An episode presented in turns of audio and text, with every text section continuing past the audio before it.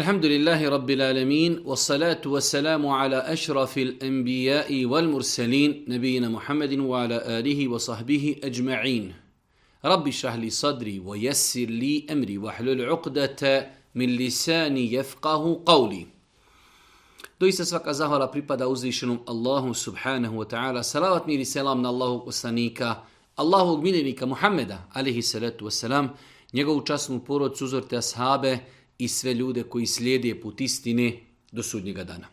Uvažena braću i poštovani sestre, uvaženi gledatelji, evo nas u još jednu emisiju u se družimo sa vašim pitanjima i vašim dilemama. Ovo je naša 46. emisija, a druga emisija u mjesecu Ramazanu. Mnogo puta smo napominjali, ali evo, ponovo da spomenemo, doista je mnogo pitanja koja pristižu na našu adresu e-mail na određena pitanja ne možemo odgovoriti jer nismo kompetentni, a isto tako na određena pitanja ne možemo odgovoriti iz razloga mnoštva pitanja. Ovo govorimo zato što nam se ponekada jave određene osobe pa kao zamjeri nam što niste odgovorili, što ne stižete i tako dalje, iako skoro pa cijeli dan odgovaramo ljudima i SMS-om, i Viberom, i Whatsappom, i pozivima, i e-mailovima i tako dalje, ali eto, nažalost, našim narodu nemoguće je ugoditi. Prvo pitanje, večeras imam pitanje u vezi dizanja ruku na vitr namazu. Nakon kunudovi, je li bolje ići direktno na ruku ili je bolje podići ruke nakon kunudovi? U svakom slučaju kada je u pitanju kunu dova, za nju se najviše pita u mjesecu Ramazanu, dozvoljeno je šest stvari. Dozvoljeno je da kunu dovu učimo i da je ne učimo. To je prva verzija. Dozvoljena je E, da učimo kunu dovu nakon što završimo kirajet. Učili smo fatihu, učili smo suru, nakon toga odmah učimo dovu prije odlaska na kijam. Dozvoljeno je da dovu odgodimo kada se vratimo sa kijama na Sarukua na kijam. I dozvoljena je opcija da kada dovu učimo da podignemo ruke i da dovu učimo da ne podignemo ruke. Svi šest opcija su znači dozvoljene ponekada da učimo dovu, nekada i da je ne učimo. Da je učimo prije odlaska na ruku i da je učimo nakon povratka sa rukua, da nekada podignemo ruke, nekada da ne podignemo ruke. Sve te opcije su oko Bog da dozvoljno ispravne. Dalje meni je obaveza posti ako vozim kombi, dva puta sedmično, idem u Njemačku iz Italije. E, destinacije su 400 km, 550 km i tako dalje u jednom smjeru. E, osoba koja je musafir, ako može postiti, lijepo je da posti. Ali ako neće i ne želi i ne može i pusti, joj predstavlja problem, pogotovo kad su u pitanju vozači, koncentracija i tako dalje. Znači, musafir koji putuje od mjesta gdje živi više od 80 km u jednom pravcu, on ima pravo da ne posti. Bez obzira što se vozi u autu, bez obzira što je klimatiziran, bez obzira što nema velikog umora, on ima pravo da ne posti. Ko može postiti, bolje je da posti iz razloga zato što je to beričet Ramazana, da što prije riješi onu svoju obavezu prema gospodaru Allahu subhanahu wa ali isto tako insan koji putuje preko 80 km u jednom pravcu ima pravo da ne posti. Znači, musafiru je ljepši ako može da izdrži da posti ali ima pravo da ne posti i niko nema pravo da mu prigovara zašto ne posti. Svakako, broj dana koje ne posti, napostit će tokom sljedeće godine sedam mjeseca Ramazana. Treće pitanje, Koliki je grijeh kod Allaha kad momak ostadi i djevojku koju je obećao brak? Vodi je po butiku, kupuje joj i vako i onako i dole i gore Kaže i na kraju konstatacija, tako ćete sa vašim odgovorom mnoge momke upozoriti na ovaj veliki grijeh. Znači već imamo i pitanje, imamo i odgovor da je to grijeh. E, nema ništa sporno u islamu da čovjek odustane od određene osobe e, za koju je možda htio da, da je ženi. Jednostavno može se desiti da čovjek eh, je u kontaktu sa određenom osobom mjesec, dva, tri, jednostavno porodice su se vidjele, mom, momku se svidjela djevojka, djevojka se svidjela momku, jednostavno idu u planu eh, da se uzmu i da se vjenčaju. Možda dan ili dva prije vjenčanja čovjek sa čuje određenu informaciju, vidi određen postupak, dese mu se određene stvari u životu zbog koji tu određenu osobu ostavi. Bolje je možda i to da uradi nego da uđe sa njom u brak i nakon dva, tri, pet dana ili nakon mjesec, dva da je razvede. Pa je Allahova milost u tome znači da čovjek nekada i odustane od braka, jednostavno tu osobu nije uzeo, jer ako čovjek jednom oženi djevojku, ona izgubi e, svoju nevinost, nakon toga uvijek se tretira udata, zašto se vratila i tako dalje. Tako da prema islamu nema čovjek nikakav grijeh. Svakako, e, teško je shvatiti da će neko ostaviti određenu djevojku samo nako odobisti. Mora postojati razlog, ali bez obzira, znači e, čovjeku nije dužnost možda ako se upoznao s određenom djevojkom, e, bez obzira, e, znači sve dok ne dođe do vjenčanja, njemu nije obaveza da oženi tu djevojku, tako da tretirati i smatrati da je to grije, ne možemo nikako. Pitanje broj četiri. Post osobe koja teško podnosi post ili osobe kojima post šteti. E, veoma često nam se dešava da imamo osobe e, iz želje da posti ili osobe koji su možda starije, koji su postile 30-40 godina, veoma im teško pada da ne posti. Znači, islamski činjaci su kazali da insan koji ako će postiti na taj način ugrožava svoj život ili znači pogoršava svoje zdravstveno stanje, takvom insanu može biti haram i zabranjeno postiti takvom insanu može biti haram i zabranjeno postiti. Pa je Allah Đelešanu iz svoje milosti i mudrosti dozvolio bolesnicima kojima post predstavlja poteškoću da ne posti. Tako da Allah Đelešanu zna naše nijete i zna naše, znači e, šta nam se nalazi u srcu i našim grudima. Allah zna da mi, da smo zdravi, mi bi postili.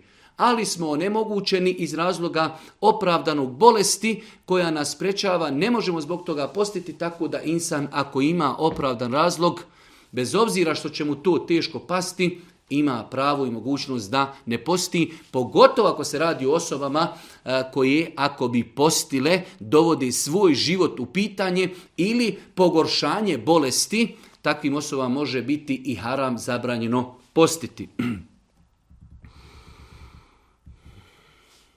Pošto radim i ne mogu ići na teraviju, ja klanjam kod kuće poslije posla. Je li to ispravno? Mogu li klanjati sam teraviju kod kući? Mi ćemo, pošto ćemo noćas pokušati odgovoriti na 50 pitanja, e, odgovori će biti rezimirani i kratki. Nema nikakve smetnje da osoba koja nije stigla u džemat, da klanja sa džematom teraviju, ako je bila na poslu ili ako je bila negdje u šopingu ili imala neke druge obaveze, nije stigla da klanja teravih namaz u džematu. Kada dođe kući, klanja će jaciju. Nakon toga koliko može da klanja, dva po dva rekiata. Dva rekiata preda selam. Dva rekiata preda selam. Koliko može klanja će, nakon toga će klanjati vitre ili eventualno će vitr namaz odgoditi e, za treću, e, znači e, posljednju trećinu noći i to je ako Bog da sve ispravno bolje sam kod kuće klanjati nego e, iz, izostaviti teraviju i ne klanjati je nikako. Nalazim se trenutno u stranoj državi jedan radni kolega mi je postavio pitanje zašto mi muslimani postimo tačno od sabaha do akšama, to jest dok ima sunca. E, zašto? Zato što nam je tako naređeno. Znači, e, moramo ljude učiti da određene stvari naš razum ne može dokučiti. Allah Đeršanu je taj koji odredio kada se klanja sabah, kada se klanja podne, kada se klanja ikindija, kada se klanja akšam, kada se klanja akcija.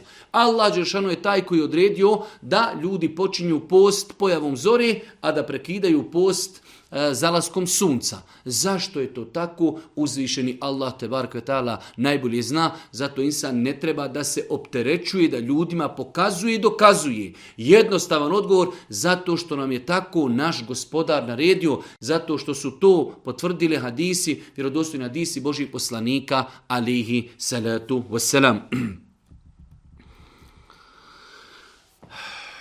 Pošto sam počeo da učiti klanjati početnik sam, dva jutra klanjam sabah, namaz, hvala Allahu, ide nabolje, sad još zanima me akšan.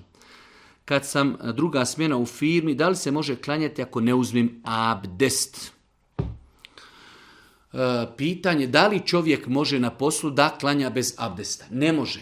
Čovjek ne može, znači skoro da kažemo, generalno nikada klanja bez abdesta, osim u situaciji kada čovjek znači ne bi mogao, nema mogućnost da uzme abdest, niti može da uzme tejemom. U nekim iznimnim situacijama čovjek je zavezan negdje u zatvoru, ne može abdest, ne može uzeti tejemom, takav čovjek će klanjati bez abdesta. Ali u nekim normalnim uvjetima obaveza je čovjeku prvenstveno da klanja pod abdestom. U dvije osnovne e, situacije čovjek može klanjati sa tajemumom ako nema vode ili ima vode, ali mu ta voda šteti. Tako da čovjek treba da se potrudi, znači, e, shodno vremenu i prostoru gdje živi, ali ili će biti, e, znači, na pauzi uzeti abdest, pa će biti pod abdestom, pa kada nastupi akšam, klanjaće, ili će kad nastupi akšam otići negdje u toalet, otići sa flašom vode i negdje u čošak abdestiti, ali se, znači, namaz nije validan al val, eh, abde, eh, namaz nije validan ako se klanja bez abdesta. Namaz nije validan ako se klanja bez abdesta, tako da čovjek treba da se potrudi, bez obzira gdje se nalazio, da li bio na putu, da li bio na poslu ili tako dalje, prvenstveno da klanja, znači s abdestom, a u dvije situacije, ako nema vode ili ima vodu, ali je bolestan, voda mu šteti, u takvoj situaciji čovjek će klanjati sa tejebumom. Osmo pitanje, E, nosim djevojčicu, ako Bog da inša da se rodi živa i zdrava, sviđa mi se ime Darija. Nisam sigurno da li je to muslimansko ime, nema nikakve smetnje, Allah Žešan najbolje zna. Osnova je, osnova je da se svako ime može nadjenuti osim imena koja imaju e, pogrdno i loše značenje. Tako da e, ne vidim ništa loše u tome je da e, osoba nadje svojoj djevojčici ime Darija. Poštovanje. Supruga je bila trudna, do 19 sedmice trudnoće i prije tri dana imala je pregled kod i Rečeno nam je da je bebe prestalo srce kucati i beba mora biti znači izvađena, porođena. Sada je pitanje kakvi se propisi vezuju za bebu koja je rođena nakon pet mjeseci i više. Allah najbolje zna, znači beba u koju je udahnuta duša, čiji su organi formirani, a kao što kažu islamski činjaci, to se dešava nakon 120 dana, e, znači e, uzima propis odrasle osobe. Tako kada se desi da žena e, ima spontani pobačaj nakon 120 dana, beba koja iziđe, koja znači se rodi, treba je tretirati kao odraslu osobu tako što će se kupati, zamotati u čefine i klanjati u seđenaza kao odrasloj osobi. Znači greška je, ali velika greška da se e, takvi bebe, da se ili baci ili da se e, ne ukopaju na islamski način i tako dalje. Različite su neke opcije koji se mogu desiti. Ono što treba uraditi jeste da se e, ta porođena beba E, znači e, da se okupa, da se zamota u čefine i da se klanja dženaza potpuno identično kao i odrasloj osobi. E, imamo jedno malo duže pitanje, ali konkretno to je pitanje osobi koja se pokrila djevojka, ali ima tetovaže na tijelu. Šta ćemo u takvoj situaciji? To su ti neki takozvani repovi grijeha iz džahilijeta. Svakako, poziv prvenstveno svim osobama koji još nisu takvo nešto uradile, a razmišljaju o tome da to nikako ne rade, jer svi oni koji to urade poslije se kaju zašto su to radili, ali ako se već desilo da je određena osoba muško ili žensko, e, uradila tetovažu, hvala uzvišom Allahu, pa vrata pokajanja su Vrata pokajanja su otvorena kod uzvišnog Allaha te ta'ala i muškarcima i ženama. Definitivno da to eh, je rijeđa situacija i manje se praktikuje kod žena, ali moguće da se desi. Hvala Allahu Đelšanu, znači žena se može pokriti i može se pokajati, može se pokajati Allahu Đelšanu za grije koji je učinila. Isto tako eh, to je neće spriječiti da počne sa nošenjem mahrami. Svakako u granicama svoje mogućnosti sad nije spomenuto na kojem dijelu tijela se nalazi tetovaža, ali ako to može e, kada bude pred sestrama, znači ili pred e, ocem ili pred svojom djecom, ako to može da bude pokriveno, svakako da je, da je bolje iz jednog vida stida i respekta i jednostavno da se ljudi sa tim ne ismijavaju ne prepričavaju i tako dalje. Znači ako se to može prekriti odjećom, ako je to na ruci, onda nije loše da se nosi primjer radi e, odjeća koja će to pokrivati i tako dalje. U svakom slučaju ne smeta to što postoji tetovaža na bilo kojem dijelu tijela, da žena počne nositi mahramu, da bude česta, da bude čedna, da počne redovno klanjati i tako dalje, da zasnuje e, lijepu i sretnu porodcu. Jest, tetoviranje je veliki grijeh, ali ako se već desio, može se pokajati i ako Bog da, ako Bog da da teuba bude primljena kod uzvišnog Allaha i barek Kada žene mogu u petkom klanjati podni, odmah nakon nastupanja namorskog vremena ili trebaju čekati da se završi hudba. Žene nisu obavezne da idu na džumu i samim tim one kod kuće klanjaju podni namaz. Ako žena odi na, eh, na džumu, ona će klanjati za imamom dva rekiata džumu namaza, kao što to klanjaju i muškarci. Ali ako klanja kod kući, ona nema nikakve veze sa muškarcima i sa hudbom. Nastuplo je namasko vrijeme, ako nastupa namasko vrijeme u jedan sat, dok nastupi namasko vrijeme, čujemo ezan, žene kod kuće mogu klanjati i nemaju nikakve potrebe da čekaju da e, muškarci klanjaju, da završe sa hudbom, one nemaju nikakve veze sa džematom, niti sa imamom, niti sa hudbom. Ako su prisutne na džumi, onda će klanjati za imamom, kao što klanja imam dva rekiata džumu namaza. ja se zovem tako i tako, prošle godine u maju sam hvala Allah, otvorila trgovačku radnju elektromaterijala zajedno sa suprugom i tako dalje. E, pitanje je zekijat na trgovačku robu. E, koliko znam da na to pitanje nismo nikako odgovarali, a ono je i tekako aktuelno, pogotovo u mjesecu Ramazanu, e, zekijat na trgovačku robu. Dosta puta smo govorili o zekijatu e, na novac, zlato, srebro, govorili smo i o stoci, govorili smo o poljoprivrednim znači proizvodima Eh, ali ne sjećam se smo govorili o trgovačkoj robi. I prva stvar, četiri meseva su smatrala da trgovačka roba je jedna od kategorija na koji se treba izdvajati zekija. Znači četiri meseva su bila stava, pošto je bilo određeno razilaženje kod islamskog učenjaka, ali četiri mezeva su bila stava da trgovačka roba je jedna od kategorija gdje se treba izdvajati zekija. Druga stvar, E, da bi se na trgovačku robu izdvajao zekijat, treba da ispuni ona dva uvjeta koja se trebaju ispuniti i u zlatu, srebru ili novcu. A to je da vrijednost te trgovačke robe dostigne nisab i da ta vrijednost tokom cijele godine pregodini kod insana da nikako ne pada. Znači osoba koja ima trgovačku robu, nabavlja robu, treba da ima vrijednost nisaba, to je sad otprilike neki 10.500 maraka po procjeni islamske zajednici, e, treba da ima vrijednost robi u toj znači vrijednosti i treba da to pregodini. Od momenta ako smo u mjesecu martu e, dostigli u trgovačkoj robi nisab, sljedeći godine ako Bog da, ako tokom cijele godine naša roba nije padala ispod nisaba, mi sljedeće godine u martu trebamo, trebamo e, izdvojiti zekjat. Isto tako, e, roba se procjenjuje po trenutnoj cijeni po kojoj se prodaje vidite kako je islam pravedan, ne po cijeni po kojoj smo nabavili. Može se desiti da čovjek nabavi e, robu i nakon toga roba pojeftini i mi mu kažemo moraš ti po cijeni pošto si platio. Ne, po trenutačnoj cijeni. Može se desiti da roba i poskupi. Zato se, znači, kada obračunajemo robu, e, da bi dali na nju zekijat, obračunajemo po njenoj prodajnoj trenutnoj cijeni.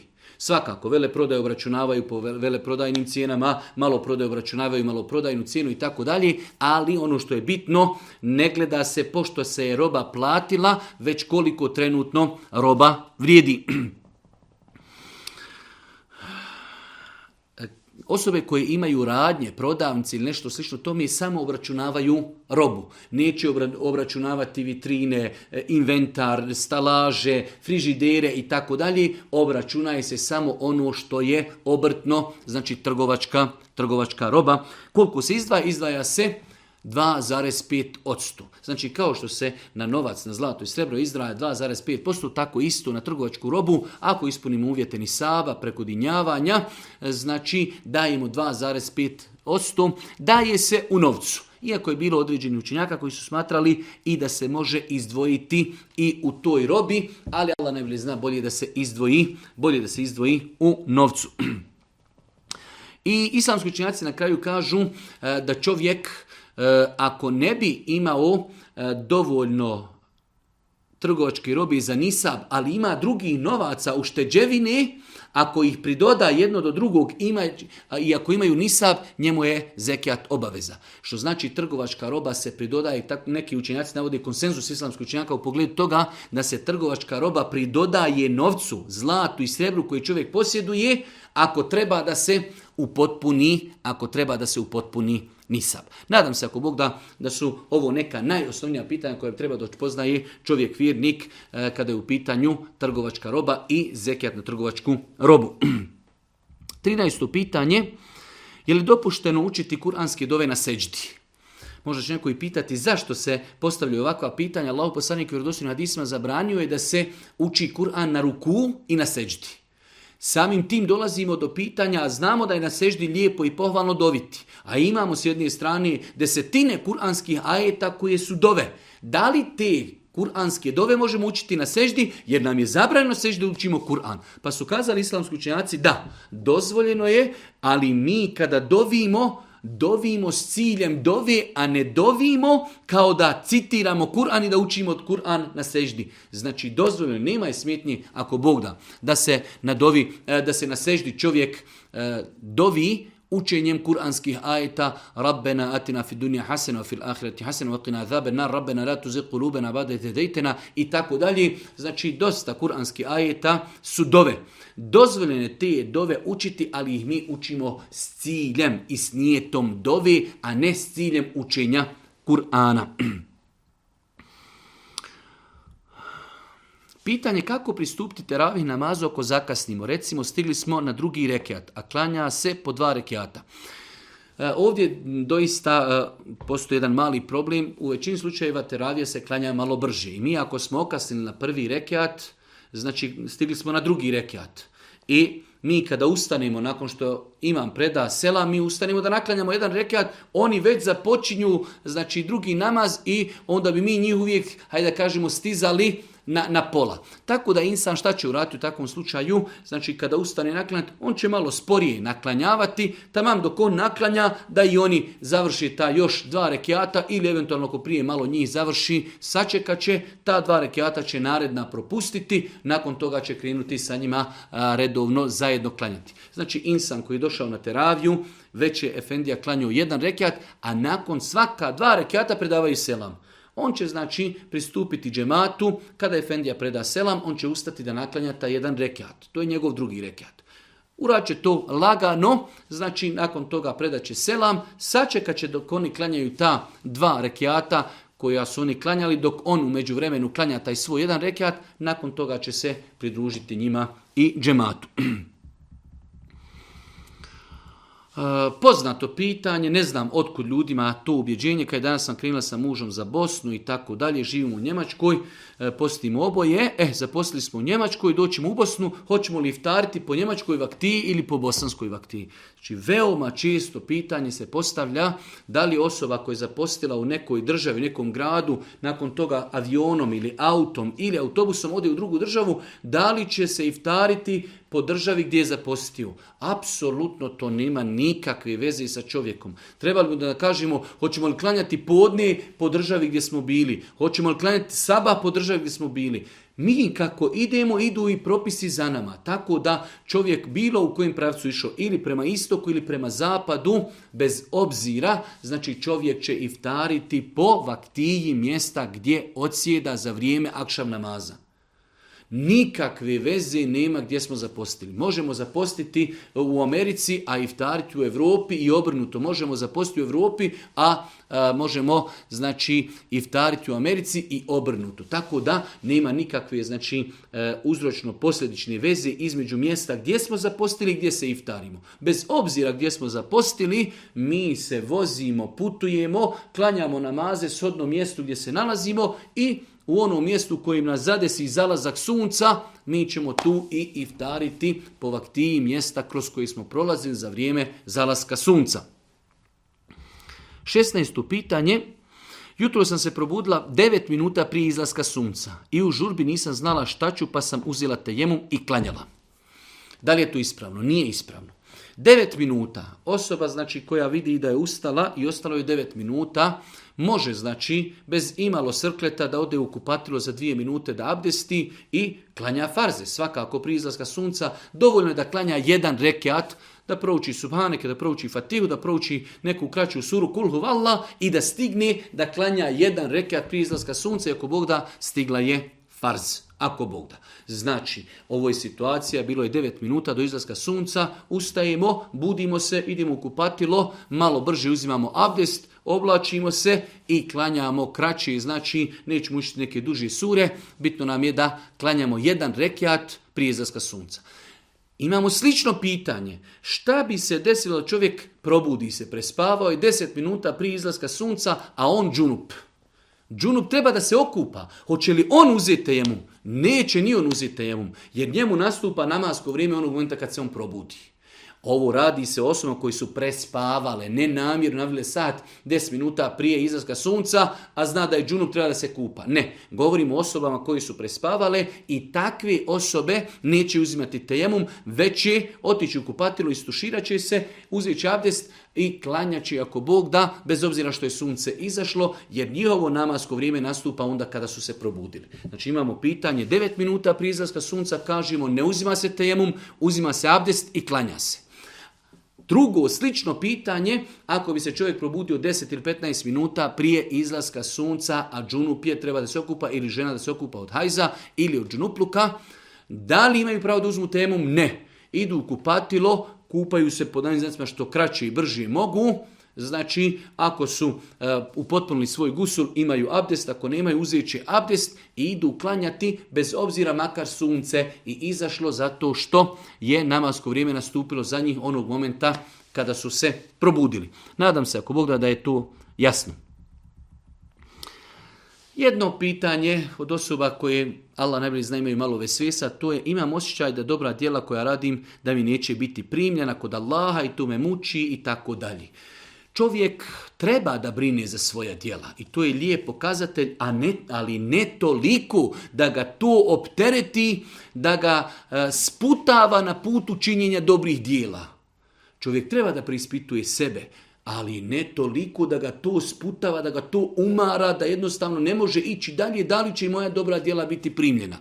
Prilikom činjenja dobrih dijela trudimo se da očistimo svoj nijet, radimo to radi Allaha i završena stvar. Nakon učinjenog dobrog dijela molimo Allah da to nam ukabuli i idemo dalje. Ali opterećavati se time toliko da mi samo o tom i razmišljam, da nas to sputava da budemo pokorni Allahu, to je već previše i to može prijeći i uve sve se, a da ne govorim s psihičke strane da može čovjek imati veliki i ozbiljnih problema. Tako da insan ne treba toliko da se opterećuje, treba da se preispituje prije činjenja dobrih dijela, zbog čega to radi, radi Allaha, čisti svoj nijet, kada uradi dobro djelo, moli Allah da mu to ukabuli. I tu završava sva priča. isto pitanje, interesuje me koliko se puta smije učiti zikrovi kada smo na ruku i na seđdi. Kažu islamski učenjaci, e, zikrovi rukua i seždi, jednom je obavezni minimum. E, potpun minimum je tri put, a može se reći neograničeno. Znači, minimum obaveze jednom. Potpun minimum je tri put može se reći 5 puta, 7 puta, 9 puta, 30 puta, 50 puta, e, najveći broj nije ograničen. Znači jednom ako kažemo naš namaz je ispravan, ako hoćemo da minimum potpunosti postignemo, tada ćemo reći tri puta, a ako je u pitanju noći namaz, ako je u pitanju na fila, ako je u pitanju e, mi kanjamo sami, želimo malo duže da na seždi na ruku, možemo reći i ne moramo ni razmišljati o broju, ponavljati više puta koliko želimo nije ograničeno. 19. pitanje, e, jedno pitanje, malo duže pitanje, opet pitanje, mi dosta puta postavimo pitanje uz konstataciju. a to je e, da li treba čovjek kada kupi stan da zakolje kurban kao što treba da zakolje kurban kada napravi kuću. Vidite, znači izgradili smo propis, a taj propis u osnovi nije takav. Ne postoji e, nešto u islamu što obavezuje čovjeka da zakolje kurban nakon što završi e, kuću. Samim tim ne postoji nikakva obaveza, čovjek kupio stan, da mu kajmo, e sad kupio si stan i u svim tim svojim belajima sad još nam moraš zaklati jedan kurban, a on jadnik oči iskolačio, ne zna šta će, e, kraj s krajem steži, kako će isplatiti rate i još mi e još sam trebaš jedan kurban zaklati.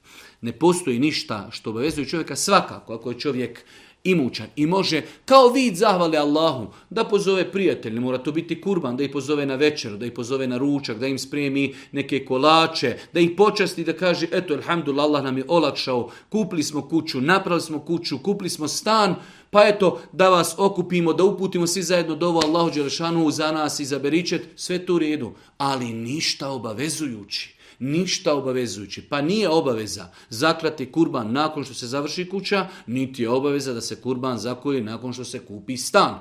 Ako insan hoće kao vid zahvalnosti Allahu te i etala da okupi svoje prijatelje, poznanike, rodbinu, oca, majku, čisto da kaže evo želimo da vas počastimo, da uputimo dovo, Allahu Đelšanu, da zahvalimo Allahu što nam to olakšao, sve tu u redu. Ali ništa kao vid obavezi. 20. pitanje. Htjela sam vam pitati da li sada katul fitr mogu dati u novcu s obzirom da ne znam nikoga kome bih to mogla dati u namirnicama. Ja sam iz Koplja i tako dalje, uvijek sam davala u novcu i da li je to greška i tako dalje. Jesam li u grijehu ako udijelim novac i tako dalje. U svakom slučaju, e, sunnet je da se sada katul fitr, e, znači dva propisa trebamo zapamt za sada katul fitr, e, daje se samo jednoj kategoriji, a to su siromasi. Znači zekijat se daje osam kategorija, a e, se daje samo jednoj kategoriji, to su siromasi. To je prva stvar. Druga stvar, osnova je, znači osnova je svih mezheba da je sunne da se Sadekat fitr daje u prehrambenim artiklima, e, artikala koji su preovladavajući u jednom vremenu i podneblju gdje ljudi žive.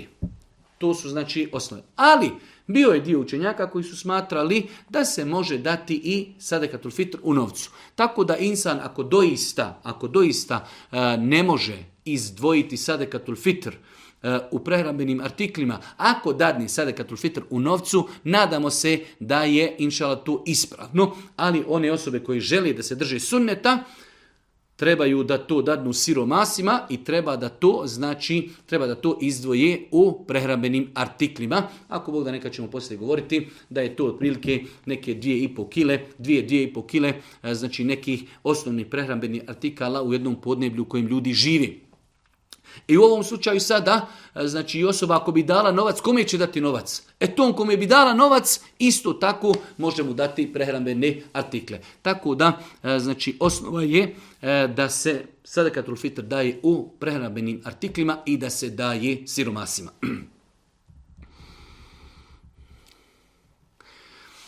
Čovjek spominje da je imao e, njegov brat ušao u neki biznis, pozajmio je novac, pa je taj biznis propao i on mu je pomogao u vraćanju duga. U redu, sve do sad ekstra. Sada on pita mogu li ja sada naknadno da nije tim e, to otplaćivanje njegovog duga da je to moj zekijat. Ne može. Znači imamo dva pitanja. Prvo je pitanje može li čovjek dati svome bratu koji je zadužen zekijat. Tačno je da može. Znači čovjek može svome bratu koji je poslovao i imao problema, dužan, ne može vratiti dugove, da mu ni svoj zekijat. Znači čovjek, muškarac može dati zekijat svome bratu, žena može dati svojoj sestri, čovjek može dati svojoj sestri, sestra može dati e, bratu. Što se tiče toga može. Ali ne možemo mi, mi smo dali čovjeku šta ja znam 10 ili 15 hiljada ili hiljadu ili dvije manje ili više, kada mu je bilo potrebno. Nakon toga, nakon šest mjeseci mi obračunamo zekijat i on kaže, e sad ćemo one 3000 uračunati u naš zekat. Ne može. Zašto? Zato onog momenta kada smo mi to davali, nismo nijetili. Zekijat je ibadet i mora se nijetiti. kada ga izdajemo da kažemo, ovo je moj zekat, da se zna u srcu da je to zekat. Tako da, znači da je insan to na vrijeme znao i da na vrijeme kada je davao svom bratu pomoć, jer je u islamu dozvoljeno dati zekijat unaprijed, da je tada samo zanijetu i kaže ovo što ću dati svome bratu je moj zekijat, dajem ga unaprijed, još mi novac nije pregodinio, to bi bilo ispravno. Ali pošto je već dao, može li naknadno to uračunati? Ne može. Ne može. 22. pitanje.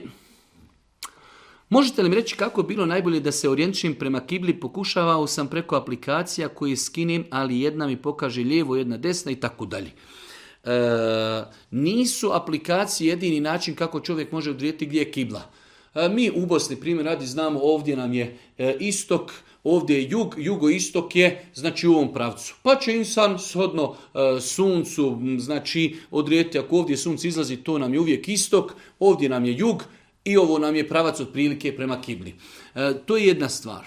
Znači nisu aplikacije jedini način kako možemo odrediti pravac kibli. Druga stvar, je li nam teško pet puta kada uđemo u džamiju i te naše aplikacije koji se razlikuju, da ih malo isprobamo. Uđemo u džamiju, vidimo da je džamija ovako okrenuta, upalim aplikaciju, a pokazuje jedna ovako, jedna ovako. Znači ovu ću aplikaciju koja mi ispravno Drugi put odem u džamiju, opet nju pokažem ispravno. Ona aplikacija koja mi pokazuje tri, četiri, pet puta ispravno, tu ću aplikaciju ako Bog da i koristiti i ako Bog da mirna Bosna. E, kada sam na poslu, je li dovoljno samo da klanjam farze ili moram klanjati sunnete? Apsolutno. Osoba koja na poslu, ako ima vremena, ima mogućnosti, neka klanja i sunnete. Ali ako nema vremena, nema mogućnosti, neka klanja farze, to je ono što mu je obaveza zbog čega će biti pita na sudnjem danu. I mi smo, alhamdulillah, stotinama puta to ponovili. E, čovjek bitno je da shvati da mu je namaz najbitniji ibadet u njegovom životu i da se izbori da na poslu može klanjati farze. Ako ima takav posao, takvu mogućnost da klanja sunete i prije i poslije farza, to je elhamdulillah. Ali ako ne može, bitno je da nađe vrijeme gdje će klanjati farze, a kada dođe kući na drugim namazima, neka klanja sve ostali na file, iako Bog da, on je ispravno postupio. Jedno malo čudno pitanje, ali eto, moramo nekad govoriti na čudna pitanja. Zanima me zašto cijelo čovječanstvo ne priča jezikom Adema ali Da li se zna kako je došlo do toga da, da pričamo više jezika? E, znači, islamski učenjaci su baš davno govorili o ovoj tematici. E, prva stvar, imamo nekoliko činjenica koje trebamo znati, a to je e, na osnovu određenih kuranskih ajeta وَعَلَّمَ آدَمَ Pa je Allah podučio Adema esma, podučio ga je, kaže, imena. Kažu islamski učenjaci da se to odnosi da je Allah Žešanu Adem Ali Seratu Sram podučio osnovama svih jezika koji se govori na planeti. To je jedna stvar. E, druga stvar jeste da je Adem u osnovi, on i da kajemo njegova porodca, njegov narod, da su govorili sirijački jezik. Sirijački jezik ili sirijanski jezik, sirijački jezik E sad, s druge strane, kako je nastalo da su e, da na, na zemlji ima više jezika, ako smo svi nastali od Adema, Allah najbolje zna, postoje različite teorije, ali kao što kažu islamski učenjaci, od koji je Ibnu i drugi, na to pitanje ne nagrađuju se nikakvi šerijatski propisi. Šta god da kažemo, da li je to tačno ili ne, znači ne možemo reći, e ako je ovo tačno, onda imamo propis 1, 2, 3, 4. Bez obzira kako je, Allah Đešan u Kur'anu spominje da različiti jezici među ljudima su Allahov ajet. Vahtilafu el sinetikum.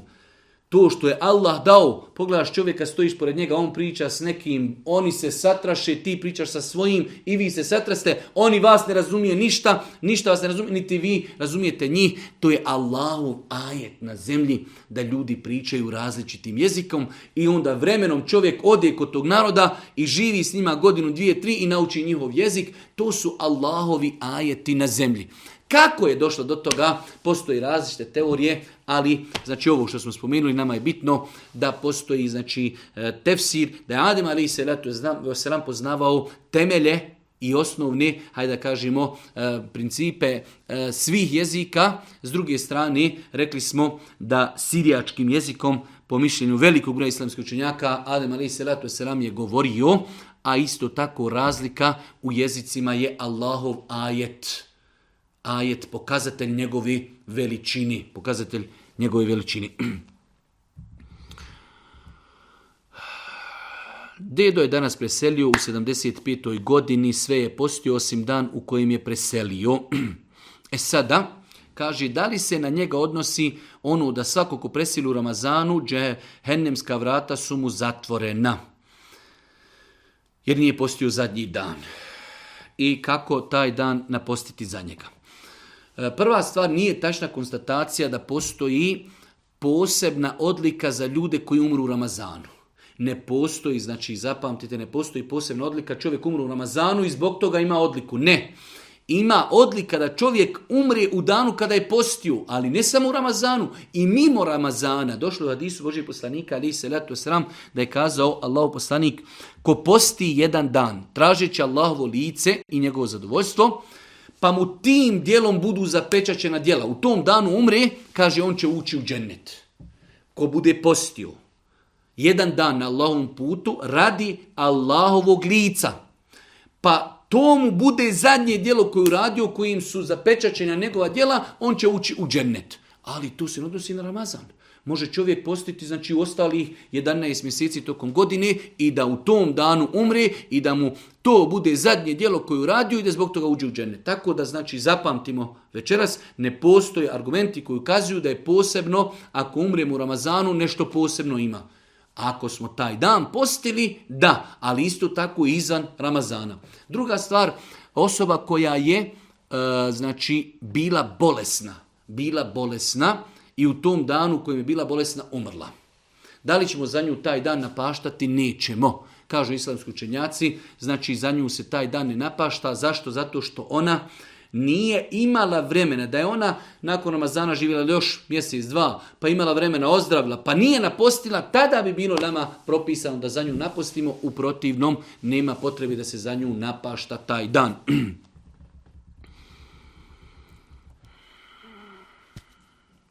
Mnogo puta nam se ponavlja to pitanje, ali ponekad na određen pitanje moramo više puta i odgovoriti zbog bitnosti tih pitanja, to je da li osoba koja uzme gusul ima abdest ili ne. Rekli smo da insan koji se kupa od džunupluka, pod jedan, pod dva, ako na početku o, očisti i opere e, stidne dijelove tijela, nakon toga uzme potpuno abdest, nakon toga sapere cijelo tijelo ne čineći ništa što kvari abdest, on nakon znači, tog gusula ima abdest, ali mora se kupati od džunupluka, ne znači obično tuširanje, mora se, znači čovjek e, uzeti potpuno abdest u toku tuširanja ostalog dijela tijela da ne smiju raditi ništa što kvari abdest, kao što je mokrinje, kao što je puštanje vjetra, kao što je doticanje spolnog organa. Nakon toga, kada završi sa gusulom, nakon što se osuši, ako nije uradio ništa znači što kvari abdest, on može odma na namaz. 28. pitanje.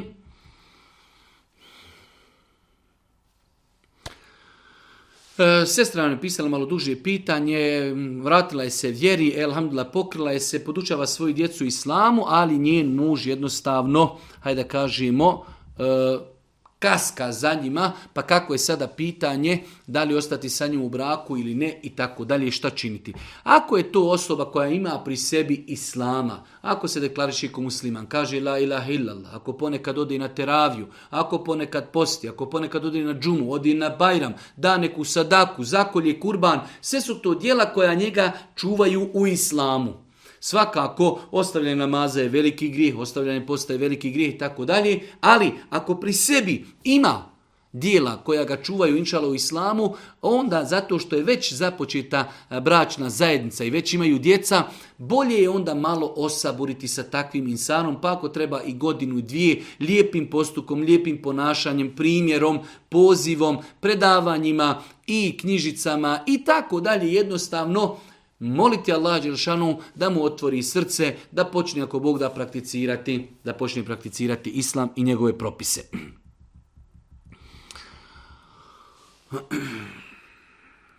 Jedna sestra nam se javila, kaže ima 30 godina, odrasla je sa majkom. E, njena majka se razvela sa ocem kada je ona imala 10 mjeseci. Znači njena majka je odgaja 30 godina i finansirala i školovala je. E sada ta djevojka je našla nekog momka koji se njoj sviđa i fizički, i psihički, i vjerski i sve, ali se majci ne sviđa. Kako u takvoj situaciji postupiti? Generalno gledajući, roditelji ne bi trebali da se miješaju svojoj djeci u odabir supružnika. Osim ako doista vidi nešto s moralne ili vjerske strane što njihovo dijete ne vidi ono što sam vidio iz ove situacije, takva situacija nije, majka jednostavno, joj se like, to nešto ne sviđa. Da li će takva e, djevojka biti griješna ako se uda bez, poznamnih znacima, majčini dozvo, dozvoli i, i njenog blagoslova? Duboko se nadamo da neće biti griješna, ali opet preporučujemo ako i kako se to može prelomiti, ako i kako može da se... E, isposluje taj njen blagoslov, da sjedne, da se razgleda, kaže majka, Allah te nagradio u redu, poštujem te, volim te, cijenim te, ali meni se sviđa, ja ću sa njim živjeti, već sam se sa njim upoznala, znam ko je, znam šta je, ti možda imaš drugačije parametre i tako dalje. Treba i te majci, ne e, da kažemo kritike možda, uzeti e, u razmatranje. Ali ako doista vidimo da je to čisto onako, meni se ne sviđa, ba dobro ne sviđa se, tebi sviđa se, meni, ja ću sa njim živjeti i tako dalje. Tako da duboko se nadamo da osoba koja bi se udala bez te majčine saglasnosti, u islamu generalno majčina saglasnost nije, nije uvjet braka, ali eto, e, svakako da je ljepše da i majka bude zadovoljna. Znači, e, nije validnost braka vezana za tu njenu saglasnost. S druge strane, nadamo se da osoba neće biti ni griješna što se u datom momentu suprostavlja majci zato što jednostavno to je pitanje koje se vezuje za mene, za moju budućnost. Ja sebi tražim Čovjek jedan voli crveno, drugi voli žuto, jedan voli plavo, nemoj mi birati ono što ja ne želim.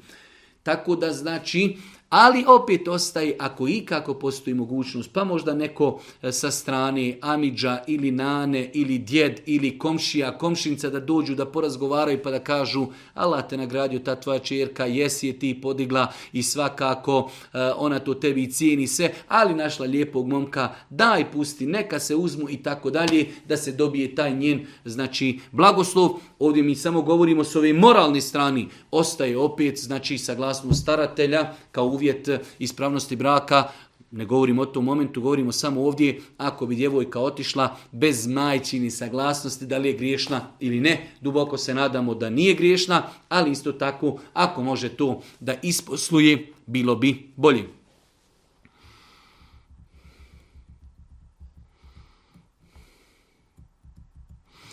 E, jedno malo duže pitanje, ali rezime pitanja je čovjek Omladinac živi u kući, njegovi roditelji u kući, hoće njegovi sestri da kupe psa, u kući ima možda alkohola, ima nekih slika. Da li je on u svemu tome i griješan zbog toga? E, insan treba da zna, e, ako živi u kući svojih roditelja, njegovi roditelji će odgovarati za stvari koji se praktikuju u njihovoj kući. Dijete može savjetovati, ukazati, razgovarati, da im svojim roditeljima kaže zabranjeno prema islamu da imamo musliman psa, zabrano u islamu da imamo slike živih bića na zidovima, zabranjeno je da u islamu da slušamo muziku, gledamo, ne morali tako dalje. Ako prihvate dobro jest, ako ne prihvate s vremena na vrijeme će ih ponovo upozoravati, ali da li će on biti griješan? Ne. Sutra kada se taj omladinac oženi, kada ima svoju kuću, on će biti odgovoran za svoju kuću. Dok se nalazimo u kući naših roditelja, oni su odgovorni za tu kuću i za ono što se radi u kući, a mi kao njihova djeca možemo ih savjetovati kada bude lijep ambijent, na lijep i blag način, da im kažemo, da im dostavimo propise da je to zabranjeno. A nakon toga mi smo skinuli svoju odgovornost i inšala nećemo biti grišni zbog toga.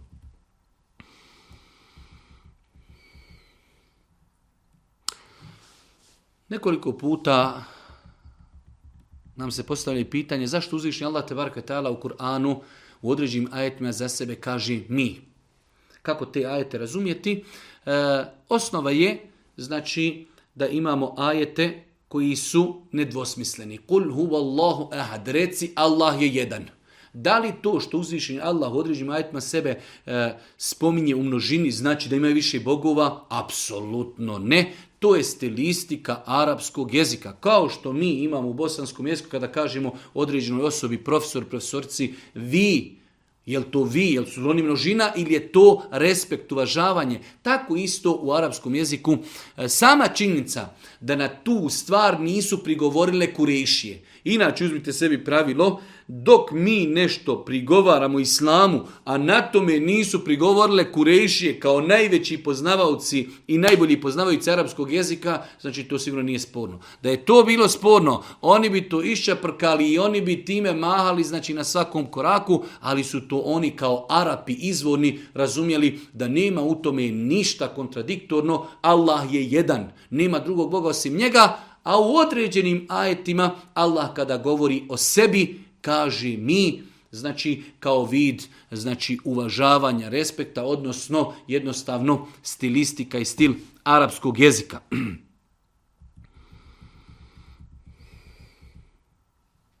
Ako osoba mora da uzme gusul u toku posta, hoće li ispirati grlo i usta ili samo dovoljno nakvasiti usta? Nema smetnje. Pazite, dosta puta ljudi Tube Arabi žele da budu bolji muslimani od samog poslanika. Poslanik Ali Selam kaže kada abdestite, nije rekao nemojte ispirati nos.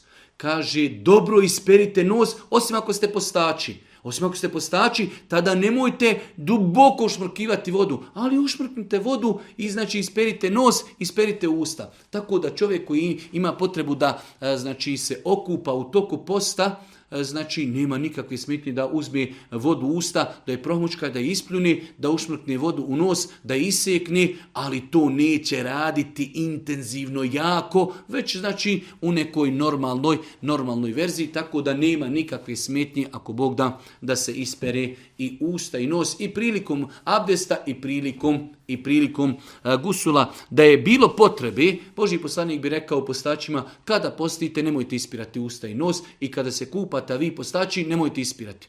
Boži poslanik je to prešutio, nije pojasnio, ostaje da to treba uraditi. Svakako čovjek će e, znači, izaprati usta, promučkati vodu, ispljunuti i to je to. Da li se može učiti hatma gledajući iz Kur'ana bez abdesta? a da se ne dotiče Kur'an. Da li se može učiti hatma gledajući iz Kur'ana bez abdesta, ali da se ne dire Kur'an. I kako. Znači, da li čovjek može da uči ovako, evo, hatmu, nema abdest, ali ne dotiče Kur'an. Evo da, da uči sa laptopa, da uči s mobitela, nema nikakve smetnje da se uči Kur'an bez abdesta. Pa čak, pa čak ja sam još malo liberalniji u pogledu toga, čak ako čovjek ima potrebu i da dodiruje mushaf bez abdesta. Četiri uslamska je pravni škole su smatrali da čovjek ne smije dodirivati mushaf bez abdesta, ali ako analiziramo njihove stavove, ne postoji jasan vjerodostojan i precizan dokaz koji zabranjuje čovjeku i mislim da je umet mnogo se odalju od Kur'ana baš zbog toga što smo ljudima nametnuli na osnovu nekih indirektnih dokaza ne smiješ dotakjeti musaf osim s abdestom. Ne postoji dokaz jasan i vjerodostojan koji potvrđuje i naređuje da moramo imati abdest kad dodirujemo musaf. Tako da ako čovjek je negdje u autobusu, vozi se, sjedi, eto jednostavno nema abdesta, a volio da prouči koju strancu Kur'ana, nema inšala bizna, ništa u tome je sporno da čovjek uzme musaf u ruke, da pročita par stranica i da ostavi makar i nemao abdest. Nedavno sam čula da treba zekat na auto da se da. Da li je to tačno? Ja živim u Americi, moji roditelji su u Bosni, imam ušteđevnu 3000 dolara i tako dalje. Nije tačno. Znači čovjek ne treba davati zekat na imovinu koju koristi. Čovjek ima tri kuće, može imati pet automobila, može imati deset laptopa, na to se ne da je zekat, E, znači imovina koju mi koristimo. Razlika je, rekli smo, trgovačka roba i tako dalje, ali čovjek ima kuću, ima vikendicu, ima, ne znam, nija tri auta, ništa, na to se ne daje zekijat. Ušteđevino od 3000 dolara, ako uzmemo da je nisab po zlatu, ne potpada, znači nije, nije dostigla nisab i samim tim nema obaveze da se izdvaja zekjat.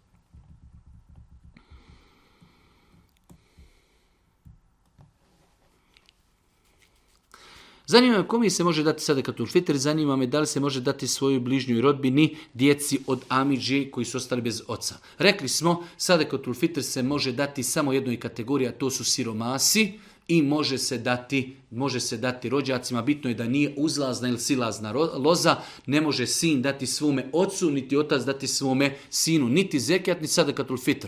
Ali amiđinoj djeci da dadimo sadakatul fitr, e, čiji otac je preselio, i kako možemo da damo sadakatul fitr, sadakatul fitr se daje u prehramenim artiklima, otprilike 2,5 i po e, po jednoj osobi i daje se samo siromasima, oni koji su potrebni.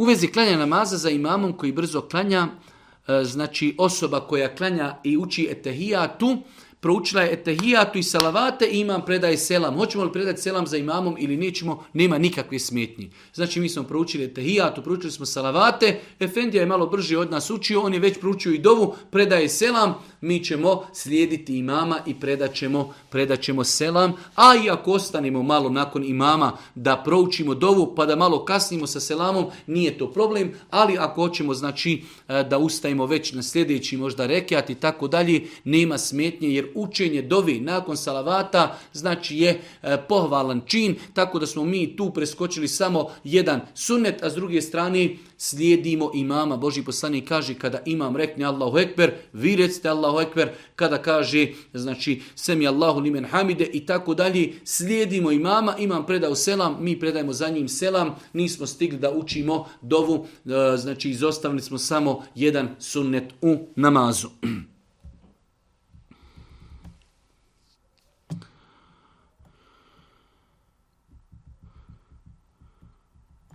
Koliki je grijeh onome ko se nakon nužde ne pere. Pa čak ni ruke ne pere. E, došlo je u vjerodostojnim da je Allah poslanik ali se letu spomenuo da osoba koja se nije pazila od mokraće, znači Boži poslanik je upozorio na to da je e, najviše kaburskog azaba zbog nečuvanja od mokraći. Samim tim kad čovjek znači se ne peri od, znači ovdje nije spomenuto, ali evo kaže se od nužde, ali nadam se da se misli samo na mokraću. Znači mokraća je nečista po konsenzusu islamskog činjaka, tako da je obaveza i muškarcu i ženi nakon mokrenja da se očisti, da se operi ili vodom ili eventualno znači toalet papirom ili na druge načine kako je to pojašnjeno u knjigama islamskog prava fikha, opet na osnovu hadisa Božih poslanika ali se letu nam. ali ono što je obaveza jeste da se čovjek očisti, E, nečuvanje od mokraće je znači jedan od velikih grijeha. Jedan od velikih grijeha, da ne govorimo što na taj način dovodimo u pitanje svoj namaz, jer osoba koja se ne očisti od E, znači mokraće, jednostavno to prelazi poslije na veš, e, samim tim naše tijelo i naše, naše, naša odjeća nije čista, samim tim dovodimo u pitanje i svoj namaz, tako da ne treba se poigravati sa takvim stvarima. Ja sam na to ukazivao dosta puta i u pisanim, znači tekstovima, a i u govornim, nažalost, pogotovo malo u ruralnim sredinama, je skoro pa normalna je pojava da ljudi, muškarci, pa i žene nakon znači mokrenja se ne čiste što je znači itekako opasno ne čistiti se od mokraće je veliki grije. veliki grije.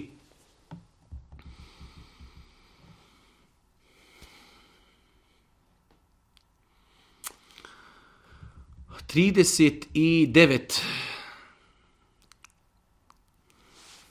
E, da li žena može dati zekijat svome polubratu? Rekli smo da nema smetnji sada kad ulfitr ili zekijat da se dadne svome polubratu. Ne može se dati zekijat uzlaznoj lozi ocu ili djedu, nani, e, znači majci i ne može silazno, ne može otac davati zekijat svome djetetu. Već godinama praktikujem da vitr namaz klanjam samo jedan zekijat. Da li je to pokuđeno ili ne? Prvo postoji razilaženje kod islamskog učenjaka da li je vitr namaz obaveza i ne. Džumhur učenjaka je smatrao da je vitr namaz sunnet, potvrđeni sunnet. To je jedna stvar. Samim tim da čovjek ako klanja jedan rekiat, znači on je ispunio taj potvrđeni sunnet na osnovu, čega, na osnovu čega bi mogli da mu kažemo da je učinio pokuđenu stvar zato što klanja jedan rekiat vitara. Tako da e, teško je kazati da osoba koja redovno klanja jedan rekiat vitara da je učinila nešto pokuđeno. E, zato što je znači stav većinskog dijela islamskog činjaka da je u osnovi vitr nama sunnet. Tamam da ga čovjek nekada izostavi, inšala nije griješan, a kako ćemo reći da je neko griješan ko klanja jedan rekiat vitra, tako da e, kazati da je klanjanje, kontinuirano klanjanje vitr namaza, jedan rekat pokuđeno, treba imati za to dokaz, a ja sam ubiđen takav dokaz ne postoji.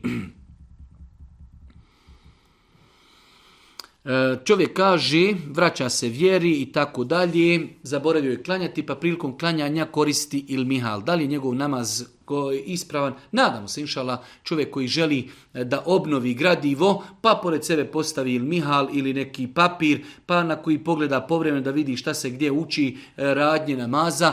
Ako Bog da to će trajati dan, dva, tri, dok ako Bog da čovjek obnovi gradivo, tako da Svakako i nakon namaza malo pogledati, ponavljati, pa na kraju krajeva malo i prakticirati, malo se vježbati, ako Bog da, ali dok ima potrebe, zatim nadamo se ako Bog da da je namaz ispravan.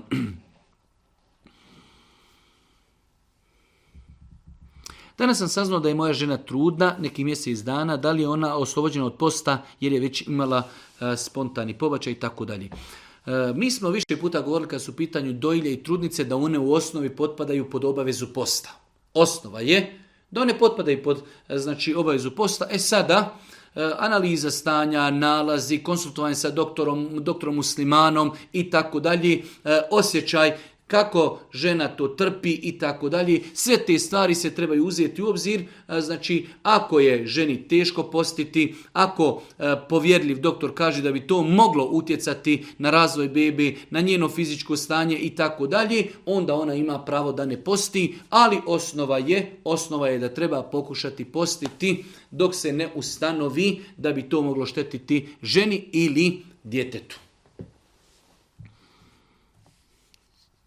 Da li musliman mesar može rati u klaonci gdje se e, znači kolju i junad, ali isto tako i prasad ili, ili svinje.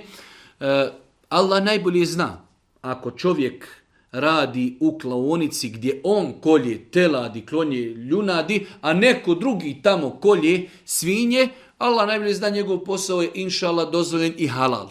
Ali ako je ovdje se misli da on mora u istoj klonci klati i junadi i teladi, ali mora klanjati klati i svinje, onda je to znači e, posao kojeg on ne treba rati. Znamo da je svinjetin muslimanima strogo zabranjen i svaki kontakt znači sa svinjetinom je zabranjen, tako da ako bi se radilo da čovjek ima posao u nekoj velikoj klaonici gdje on kolje junadi, kolje teladi ili krave, a tamo neko drugi u toj istoj klonici kolje e, znači svinje, Inšala bizna, nadamo se da to nema sa njim nikakve vezi, ali ako bi njegov posao bio da on mora zaklati i tele i kravu, ali isto tako i svinju, onda je to nešto što je sigurno zabranjeno.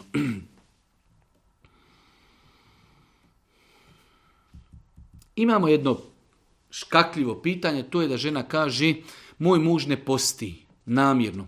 Ja ga stalno napominjem i tako dalje, on je dobar muž, Nekad mu dođe da klanja pa prestane i tako dalje. Da li sam ja grešna što mu sprimam hranu? Osnova je, ovo je osnova propisa, da ako neko ne posti iz neopravdanog razloga, da drugima nije dozvoljeno da mu serviraju hranu. Nama ako neko dođe kojemu safir, mi ga možemo ugostiti. Ako nam dođe osoba koja je stara, iznemogla ili bolesna, mi ga možemo ugostiti. Ali ako nam dođe mlada, zdrava osoba i kaže ja ne postim, pa to što ne postiš je za tebe, ali ne mogu ti ja iznijeti kavu ili ručak zato što te na taj način potpomažim u tom zlu. E sada, kako će to žena praktično sprovesti sa svojim mužem, da li to može napraviti probleme, to je nešto drugo, ali propis je, propis je da je tu u osnovi zabranjeno.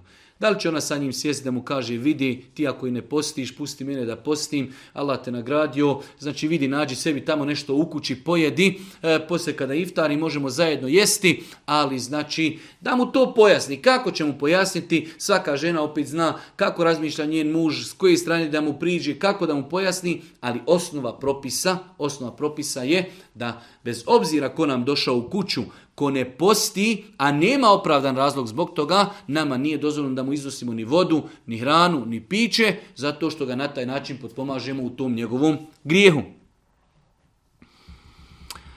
I jedno isto malo duže pitanje, e, jedan čovjek, njegova sestra muslimanka udala se za švabu nemuslimana. Kako se sada upotiti prema toj ženi, iako taj švabo, tako piše u pitanju, izrazio je želju i htjenje da primi čak i islam. E, sada, da li bojkotovati tu ženu ili e, znači se družiti sa njima, pozivati u islam, Allah najbolje zna.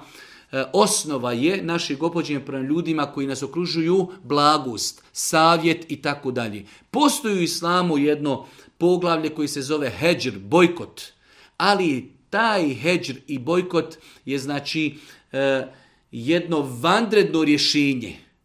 Ako bi mi znali da ta naša sestra će nju to pogoditi, ako mi nju budemo u datom momentu bojkotovali, pa će se ona popraviti, može se pristupiti i tom znači metodu, ali u osnovi dok se ona udala, znači ona zna da jednostavno to je njen stav, ne interesuje šta će drugi za nju ukazati, hoćeš li je ti bojkotovati ili nećeš, je li tebi drago ili nije, boli nju briga, ona je to već uradila. Mislim u svakom slučaju da treba ostati u kontaktu s takvim osobama, Njoj treba pojasniti to što su radila je haram, neispravno, ona i dalje ostala muslimanka, što se udala za muslimana i sa njim ima intimni kontakt, to je haram, ali ona i dalje ostaje u granicama islama, treba je lijepo pozvati, treba je upozoriti, a tog njenog muža isto na lijep način, adekvatan pozvati u islam, pa da taj grijeh koji je učinila, ako Bog da prestani na način da će on primiti islam, a znači sve dok ona živi sa njim je u velikom grijehu, jer znači ne postoji opcija kada je ženi muslimanki dozvoljeno da se uda za nemuslimana. Da li se treba djece klati kurban? Jer kada su se rodili, tada smo bili u Bosni, nismo imali mogućnost. Možemo to sada uraditi? Svakako.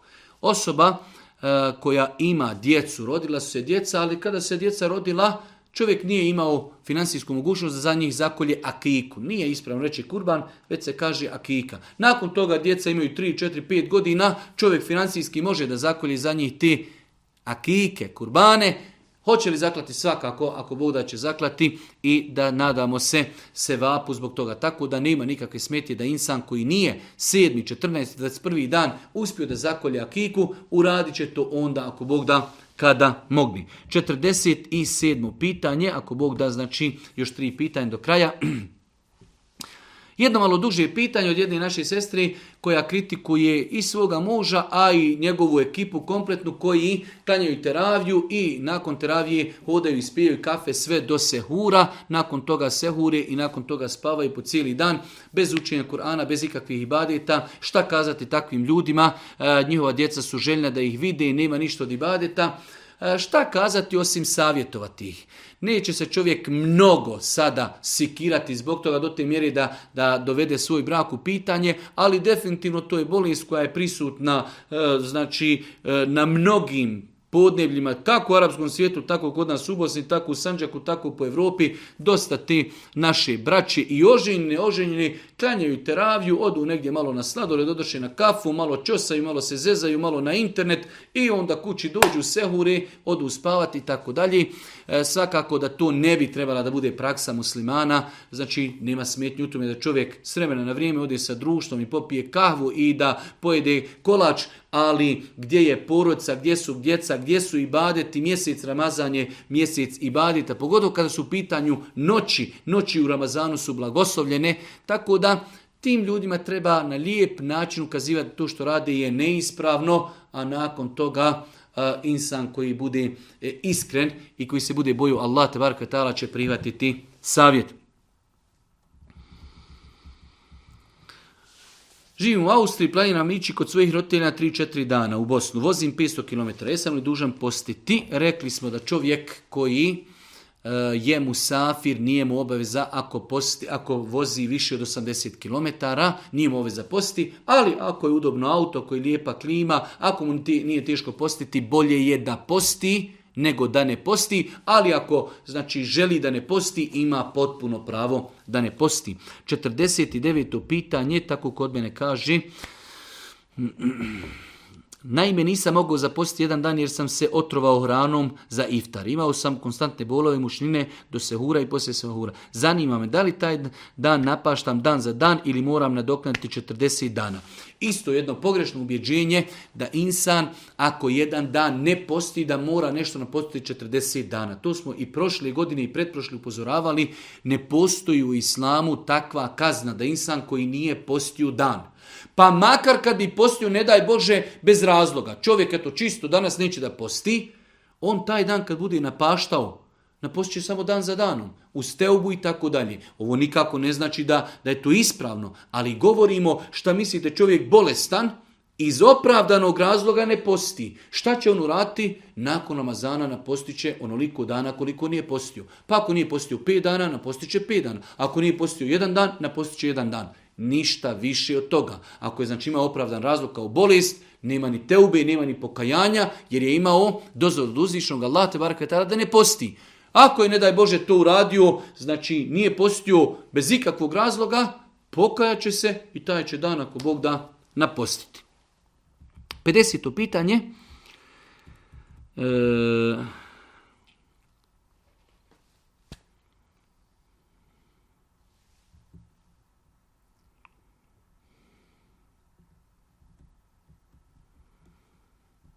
Mm, malo, malo komplikovano dok pročitamo. Pošto je eselamu nije za mene, ali me jako muči osoba je u mom krvnom srodstvu. Naravno, htjela bi je vidjeti u džennetu. Klanjala je prije redonu namaz i dan danas, kako kaže, vjeruje Allah, posti, ali više ne klanja jer smatra da nije čista za namaz. A, znam. Znači, jedno duže pitanje. E, nerijetko se dešava baš Nerijetko da osobe ostavljaju nama zato što smatraju da ne mogu klanjati, zato što ne mogu čuvati abdest, da li je u pitanju mokrača, da li je u pitanju mezi, da li je u pitanju, kad su u pitanju žene, bijelo pranje, a nekada se može desiti i ispuštanje puštanje vjetrova.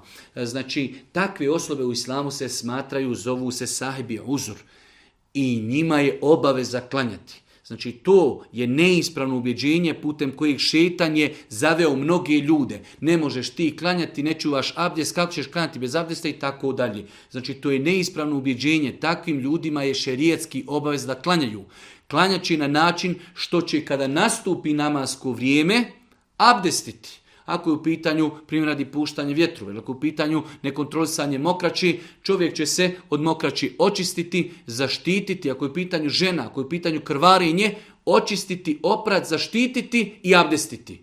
I stati na namaz klanjati ako bi čovjek u toku namaza osjetio da je izgubio abdest, on će nastaviti klanjati i njegov namaz ako Bog da validan. Ovo govorimo o kategoriji ljudi koji imaju kontinuiran problem s puštanjem vjetra, sa mokraćom, sa krvarenjem, e, bijelim pranjem tako dalje. Ako su to osobe koje periodično sa tipu 2 imaju problem, nakon toga prestaju, onda moraju namaz klanjati u periodu kada mogu čuvati abdest. Ali ako je to kontinuirano, ne mogu kontinuirano čuvati abdest, njima je obaveza da klanjaju, kada nastupi namasko vrijeme, očistit će se, uzet abdest i klanjaći.